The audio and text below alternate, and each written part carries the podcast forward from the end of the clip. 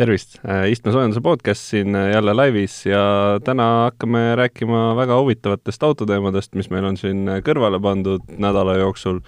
ja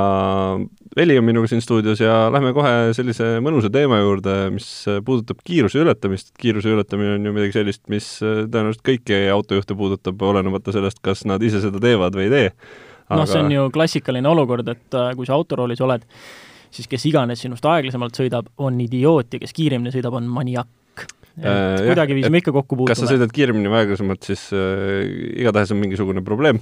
ja, ja see probleem äh, on olemas ka Ühendkuningriigis, kust äh, on pärit siis äh, selline hiljutine uuring, kus oli kaks tuhat vastajat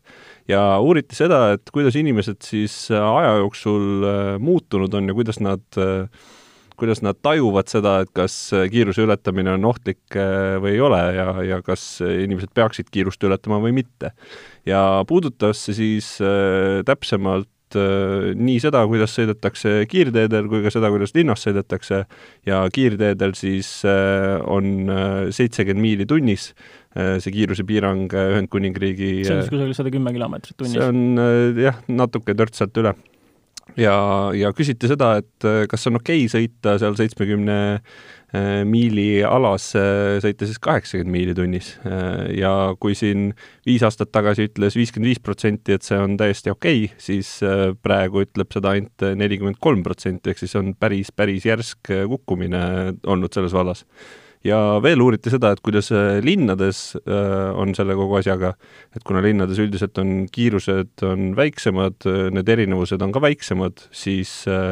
seal tuli kohe välja, et enamik inimesi ikkagi ütles, et seal ei tohiks seda kiirust ületada niimoodi. ja mis selle kõige järeldus oli Ühendkuningriigi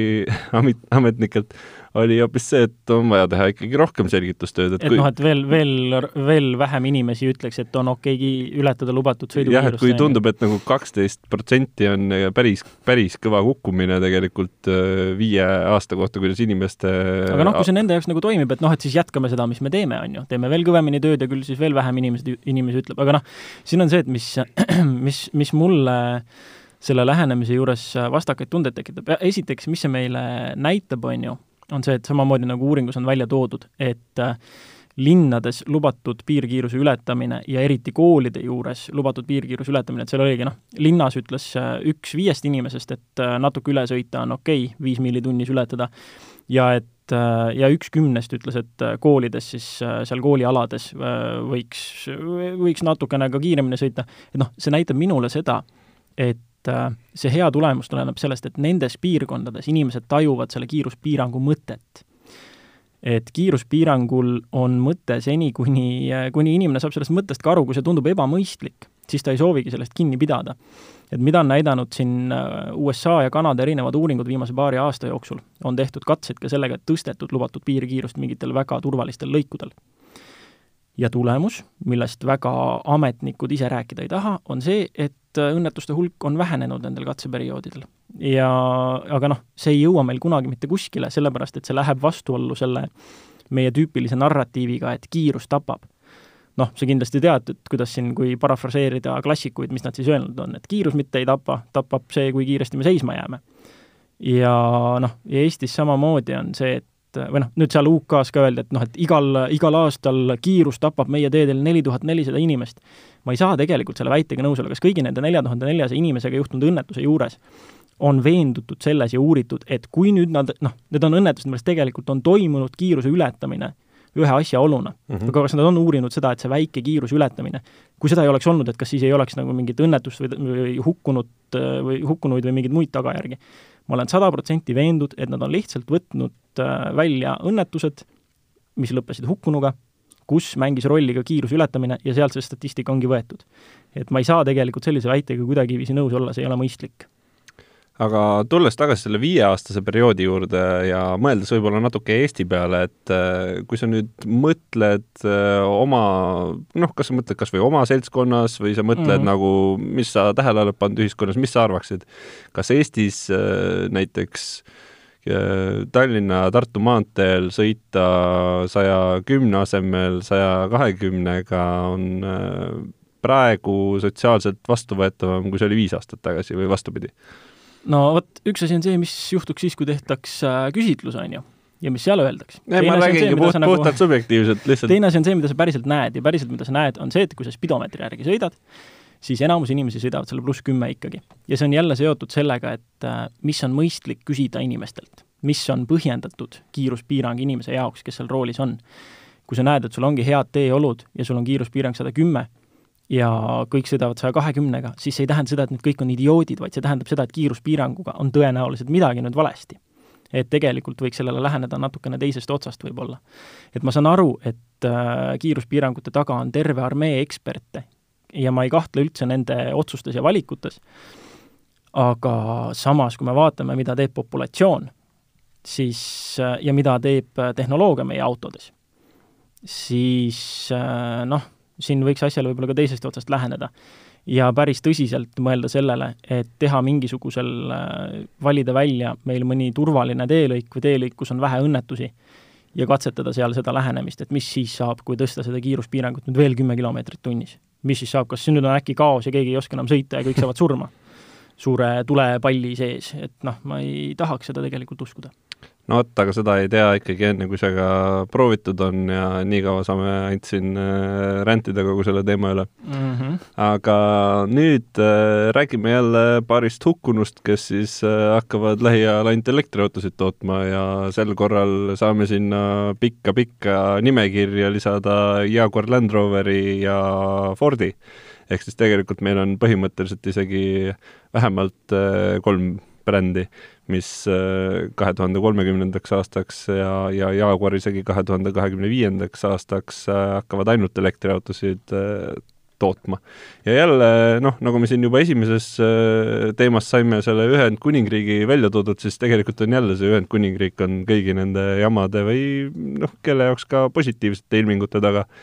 et äh, kuna Ühendkuningriik on samamoodi pannud selle numbri sinna kahe tuhande kolmekümne peale, siis kõik autotootjad mõtlevad, et okei okay,, see on järelikult see äh, noh, see on meie tähtaeg nüüd. no eriti Jaguar Land Roveri mm -hmm. jaoks on ju, kelle Täpselt. jaoks ikkagi väga oluline turg ongi just see koduturg, UK turg ja, ja seal nad äh, palju müüvad aga Fordiga on palju huvitavamad lood tegelikult, seepärast et nemad otsustava, otsustasid suhteliselt lampi seda teha, et me ei ole ju äh, mingi... ei ole nagu neist selliseid suuri uudiseid enne veel nagu kuulnud. jah, ja Fordil, Fordilt ei ole neid nagu hübriidi push'i ja kogu seda osa on ka mm -hmm. olnud oluliselt vähem kui siin mingite teiste brändide puhul, et see on nagu natukene üllatav isegi. Äh, ja noh, arvestades, et tegemist on ikkagi äh, Ameerikamaa margiga, on ju, ja seal kogu see elektrifitseerimine ja kõik see on nagu tükk maad maas sellest, mis praegu Euroopas ja, ja ka Jaapanis näiteks toimub mm. -hmm. aga selles mõttes on huvitav see, et nad põhimõtteliselt niimoodi nipsust otsustasid, et nii miljard dollarit investeerime selle Kölni ja hakkasid äh, siis ehitama sinna ühte megatehast, mis äh, kõik selle suure hunniku elektriautosid valmis peaks tegema. see on huvitav, kuidas kõik jah, elektriga tuleb nagu mingit sorti lapsikuks tagasiminek, nagu noh, Tesla eeskujul tõenäoliselt siis, et küll on gigatehased, küll on megatehased, ma, mingisuguses äh, mingit Tesla uudist vaadates ja eesti keelde pannes komistasin ka mingisuguse suurepärase lauseehitise otsa, mis oligi midagi stiilis, et Tesla teeb oma uues gigatehases gigapressi abiga oma mingeid megašassiisid või midagi, midagi noh, mingisugune nagu huvitav niisugune lapsikustumine on äkitselt nagu juhtunud. kõik muudkui teevad oma megasid ja gigasid. no need mega- ja gigaautod igatahes hakkavad sealt äh, varsti välja veerema ja mis äh, kõige huvitavam ilmselt selle juures on, on see, et Ford äh, on otsustanud koos töötada Volkswageniga ja hakkavad kasutama nende platvormi et millisel määral see täpselt saab juhtuma ja, ja kuidas täpselt, see on, äh, ma ütleks, et üks võib-olla kõige huvitavamaid asju kogu selle uudise juures, kuna me teame ju, et äh, Volkswagen on väga palju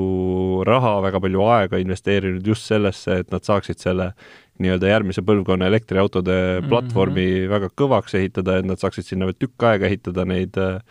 elektriautosid peale, on ju, ja selles mõttes see on kindlasti neile väga-väga suur ja oluline uudis ja, ja ilmselt äh, aitab neil veelgi rohkem kinnitada seda,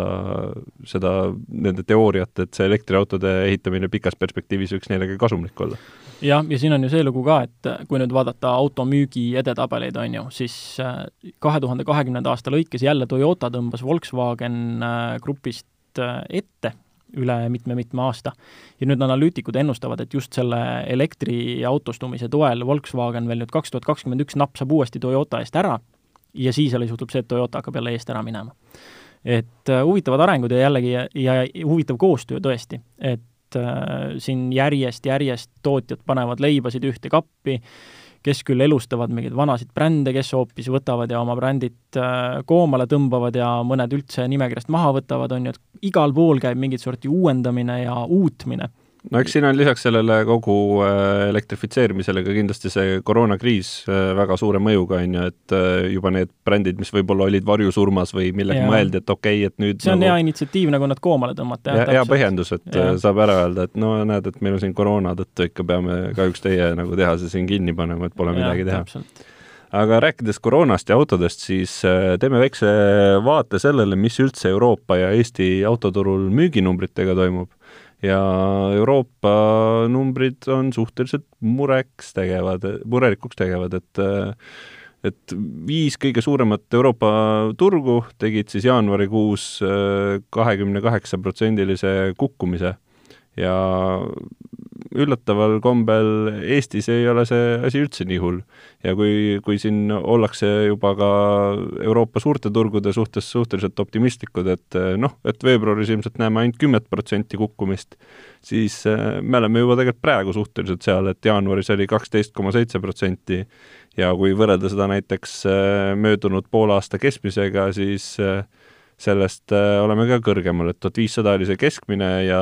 umbkaudu kaks tuhat oli siis see, mis siin äh, jaanuarikuus müüdi mm. -hmm. ja noh, hitid ei ole iseenesest muutunud, et inimestele meeldib ikka osta seda, mida nad siin juba tükk, tükk aega on ostnud. Toyota, Toyota ja Škoda no, on seal kõige, kõige ees ja, ja neid nad ostavad. aga, aga noh, eks me saame siin näha, et kas ja kuidas need äh, müüginumbrid meil siin Eestis hakkavad muutuma ja loodame, et ka Euroopas muutuvad need müüginumbrid lähiajal paremaks. jah, ja siin on äh, see välja toodud ka huvitaval kombel see, et näiteks Volvo müüginumbrid on äkitselt ootamatult äh, tõusuteel, et ma jäin lihtsalt mõtlema sellele, et huvitav, kuidas noh, Porsche samamoodi, Porsche on suutnud hoida oma taset, on ju. et jällegi see vana hea noh, rikkureid kriis nii hullult ei mõjuta, on ju aga see just ka, et ma jäin mõtlema, et paganas, et Volvo tegelikult oma kuvandiga ju, ju selles osas on, kui sa neid hindasid ka vaatad omakorda, siis noh, osa sellest kuvandist ongi ju see, et ikkagi juba vanemad, mõistlikumad inimesed, kes on karjääri täi-, teinud, elu näinud, äh, pensioniks korralikult kõrvale pannud, võib-olla juba ongi pensionil, ja, ja et nemad siis ostavad endale turvalist ja sellist äh, head valikut nimega Volvo ja siin võib-olla on osa siis äh, tegelikult selles heas müügis ka sellele, et ongi, et et sa suudad seda oma kuvandit hoida, et sa ei tee midagi, et see kuvand kukuks, et äh, nendel rahakamate klientide silmis sinu, äh, sinu staatus nii-öelda autotootjana ei ole kusagile poole langenud. Porschel samamoodi, noh, okei okay,, jah, neil on siin aeg-ajalt niisuguseid väiksemaid skandaale olnud, et aastaid tagasi siin Dieselgate'i raames ja nüüd selle järellainetused veel ka tulevad, et alles hiljuti USA-s korra tõmmati vanemate mudelite müügile hetkeks äh, pidurit, sellepärast et äh, osadel äh, mõne aasta vanustel masinatel ikkagi sport pluss selles kõige rang-, rangemas või kõige vängemas sõidurežiimis, siis lämmastikoksiidide erinevate X, X-ide ühendid ületasid lubatud koguseid. et tõmmati korra pidurit, aga muidu sellised suured skandaalid on justkui olemata. ja, ja ongi see, et sa, sa hoiad seda oma status quo'd ja need rikkurid, kes, keda kriis nii hullult ei mõjuta, need võtavad ja tulevad ja teevad oma ostu ikkagi. jah, ja nagu näha, siis tavainimesi ka ei mõjuta, kuna Toyota Škoda on ikkagi kõige ees et siis äh, ei ole ka nendel need asjad nii halvasti. aga kui me siin juba rikkuritest rääki-, rääkisime, siis räägime ka selle nädala proovisõidust ja võib-olla esimese asjana ma lasen teil natukene paar sekundit mõistatada ja ütlen ära selle auto hinna mis on siis äh, hinnakirja järgselt sada üheksakümmend üks tuhat kakssada kaheksakümmend eurot. noh, sellest alates siis. jah, et äh, saab alati ka kallimalt, kui tahate. noh, läheb ka kahe saja viiekümneni välja. aga see auto on siis Porsche Panamera Turbo S e-hübriid facelift, väga pikk ja lohisev äh, tuletis, aga, aga selline ta on, ehk siis laias laastus Porsche Panamera, millelt leiame hübriidi ja mis on äh, siis kõige, kõige kangemas selles Panamera maitses, ütleme, jah. ja, ja facelift itud mis me selle auto kohta või, veel võime öelda, ilmselt alustuseks pillame mõned tehnilised taktikalised andmed, võimsust siis kokku seitsesada hobujõudu, millest elektriajam moodustab sada kolmkümmend kuus hobujõudu. Vahele, vahemärkusena siis ütlen, et tegelikult mõlema ajami maksimumvõimsus on suurem, aga noh, nagu ikka, elektriajam seal täidab võimsuskõvera tühimikke, mügarikke, lohke, augukesi ja kõike muud, nii et äh, maksimumvõimsusel kumbki mootor koos ei tööta. Äh, neljaliitrine sisepõlemismootor V8 ja kaks väga olulist äh, asja veel või kolm isegi väga olulist asja nii minu ja ilmselt ka Veli jaoks, kui siin juba ilmselt vastuargumenteerimiseks läheb, siis kõigepealt pikkus, mis on siis üle viie meetri, viis tuhat nelikümmend üheksa millimeetrit Äh, tühi mass, mis on laias laastus kaks koma neli tonni ja pagasiruumi maht, mis on nelisada kolm liitrit. ja kui me nüüd räägime Panamerast ja kui ma võrdlen seda teiste Porschedega, millega ma olen sõitnud, siis äh, Panamera ilmselt kõige tugevamaks küljeks on see, et äh, ta on, kuigi turundusinimestele muidugi ei meeldi, et ma seda nüüd niimoodi mainin ja ütlen, et ülejäänud Porsched on ebapraktilised, siis Porsche Panamera on minu hinnangul ainukene üks Porsche, mida noh, kui me siin muidugi ei räägi äh, Porsche maasturitest, on ju, siis äh, nii-öelda klassikaliste Porschede äh, suhtes, siis tegemist on ikkagi kõige praktilisema Porschega, ütleks mina. Aga no lisame siia juurde selle muidugi, et äh, Panamerat ma olen ise võrrelnud äh, Taycaniga just oma väliste parameetrite ja massi ja kõige poolest ja jõudluse et noh, kui Panameral on siin äh, üks pagasiruum, siis Taycanil on neid tervenisti kaks. no jaa, no jaa, no jaa. aga, aga noh, ma ütleks, et ikkagi ruumi seal tagaistmel ja niisugune sõidumugavus tagaistmel on ikkagi Panameral parem no, kui on Taycanil, on ju. aga, aga noh, ma lasen siin Velil äh, nüüd äh, kohe hakata rändima selle koha pealt, et üks õige purist ikkagi Porsche Panamera poole ei vaata noh, ma ei ütleks, et ta just ei vaata, aga temaga on see lugu jah, et ta on koos Cayenne'i Macaniga ikkagi äh, siin kasumi Porsche. ehk siis äh, säärane Porsche, mil, mille hea müük lubab ehitada kõiki neid teisi, mida meiesugused äh, petroseksuaalid peavad põnevateks. et, et jah, selles mõttes ta nagu paljude arvates ei ole, ei ole päris Porsche just seetõttu, et esiteks mootor on puha valel pool, on ju, liiga palju on uksi, Äh, liiga palju mahub inimesi sinna mugavalt, luksuslikult ja korralikult sisse. ja ta on liiga raske. et noh, need on need miinuspaljud, eks noh, pluss mõned võivad siin välja tuua kindlasti siis ka veoskeemi, et ikkagi nelik on ju, et noh, et mis mõttes Porsche siis ei olegi tagamootor ja tagavedu. aga laias laastus äh, jälle mängin oma kulunud grammofoniplaati, et insenerikunst äh,, isegi osalt inseneri võlukunst, paneb selle masina ikkagi liikuma äh, vähemasti mingites tingimustes sama kiiresti või kiireminigi kui need äh, klassikalised puristi Porsched. mida aga..., mida see mingites tingimustes tähendab? no ütleme, kui ei ole liiga palju kurve ja kiireid suunavahetusi tarvis, mille see mass juba ära rikuks. Et aga sedagi silub ilmselgelt, see veojõu jagamine ja kõik, et noh, jah, fakt on see, et ta on suur, ta on raske, aga samas ta on ka meeletult luksuslik ja nagu sa ütlesid, praktiline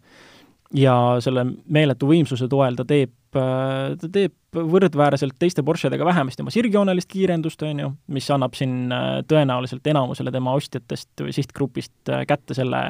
just täpselt selle Porsche kiki, mida neil vaja on.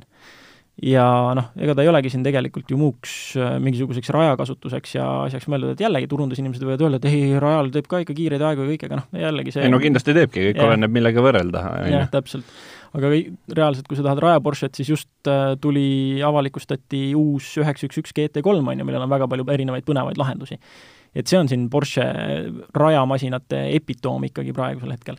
Panamera seevastu on Porsche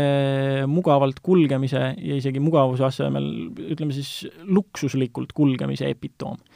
et äh, tal ei ole seda kõrget maasturi isteasendit, mis on Macanil ja Cayenne'il, aga muus osas äh,, muus osas ta on ikkagi noh,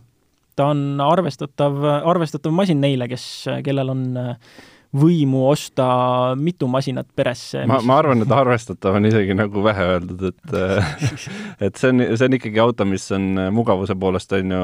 noh, tippklassis, et seal yeah. Eestis on raske minna kuhugi esindusse ja osta auto, mis oleks mugavam kui see Panamera on. langenud Bentley'd, on ju, ja, ja ega seal väga palju nagu ette ei tulegi. et, et selle koha pealt luksust teeb Porsche ilmselgelt väga hästi ja noh, kui nüüd rääkida asjadest, mis võib-olla selle auto juures häiriksid, siis äh, ka nendel on rohtu nagu välja tuli, et näiteks minul selle proovisõidu jooksul hakkas üks asi hullult häirima, hästi väike detail, no okei okay,, ütleme laiendame, ütleme kaks asja. esiteks seal on jällegi see, et suured ekraanid ja samas on ikkagi nagu mingit sorti nupuplahvatust ka toimunud seal keskkonsoolil. et sul on see, et kui sa selle ekraani vahendusel midagi teed, siis ähm, ja kui sa pead seda mingil põhjusel tegema sõidu ajal, mida ma ei soovita, sest noh, see on juba nii massiivne ekraan, mis nõuab nii palju tähelepanu, tegelikult see ei ole mõistlik siis on väga suur võimalus, et sa oma äh, käsijäsemetega kusagile toetad otsa mingi, mingi selle nupuplahvatusele ja midagi hoopis muud teed aga mis mind häiris näiteks, oli see, et rooli peal äh, alguses ma ei tuvastanudki näiteks muusikat kuulates seda nuppu, millega saaks lugu uuesti tagasi panna. sai mm -hmm. muudkui ainult edasi. Aga siis enne, kui ma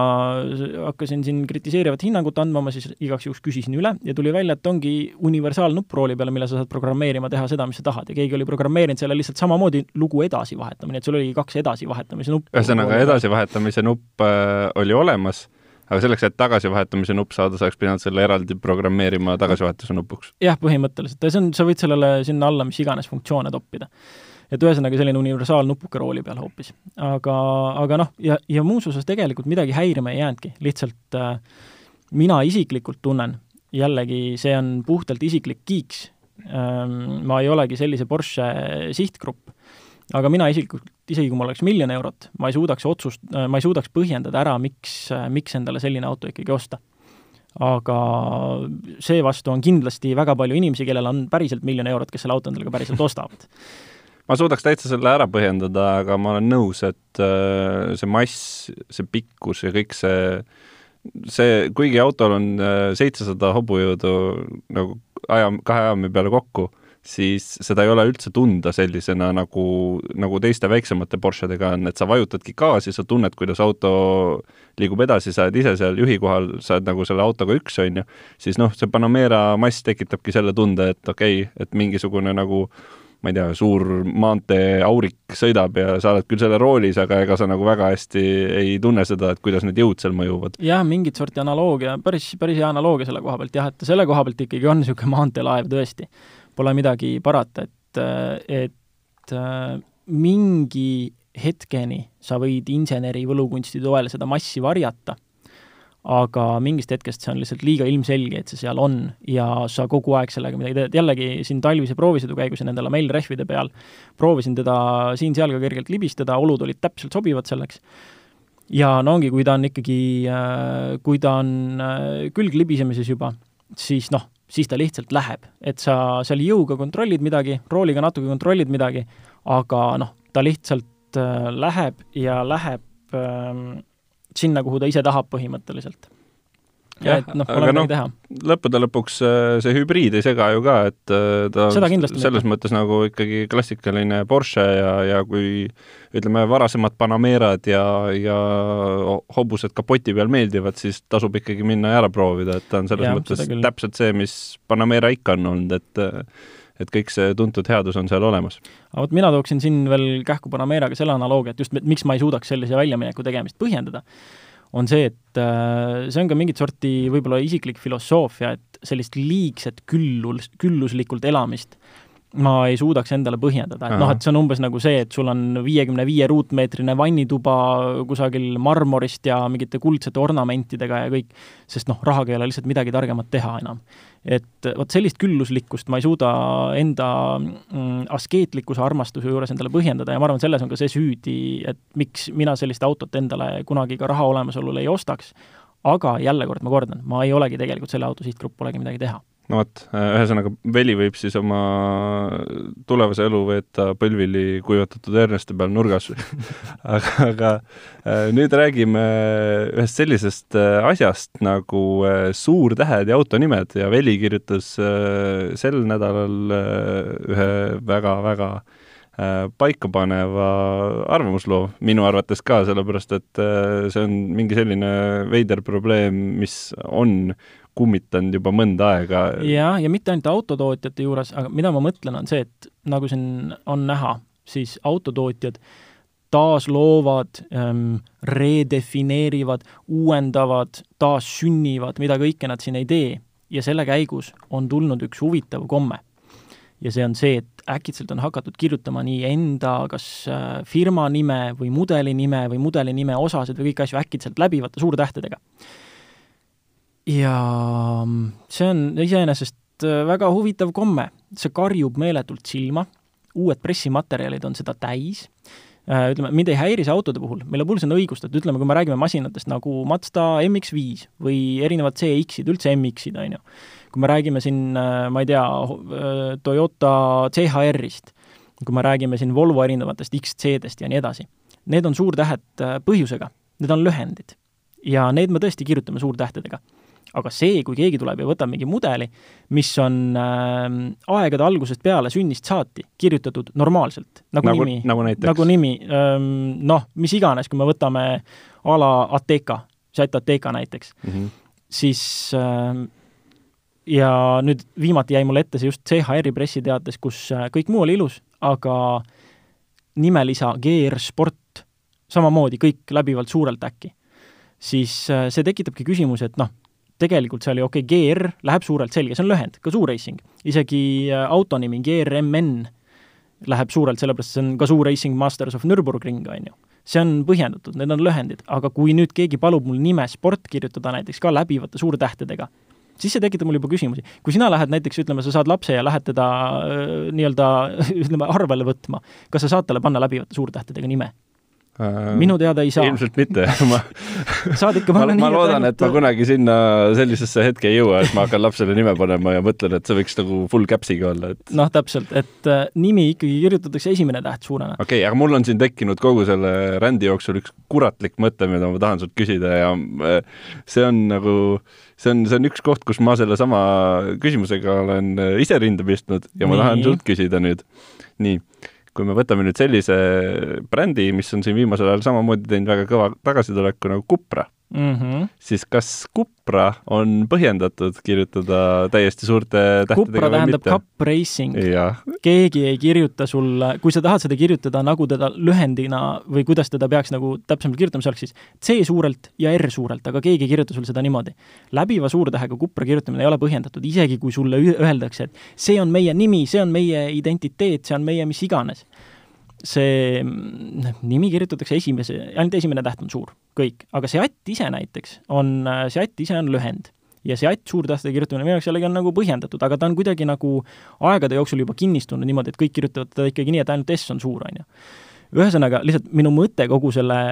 nende näidete ja asjade juures on see, et äh, kui tuleb keegi ja ütleb, et nüüd tuleb kirjutada meie mudeli nimi ilma ühegi põhjenduseta peale selle, et see on meie soov ja see on meie taassünd,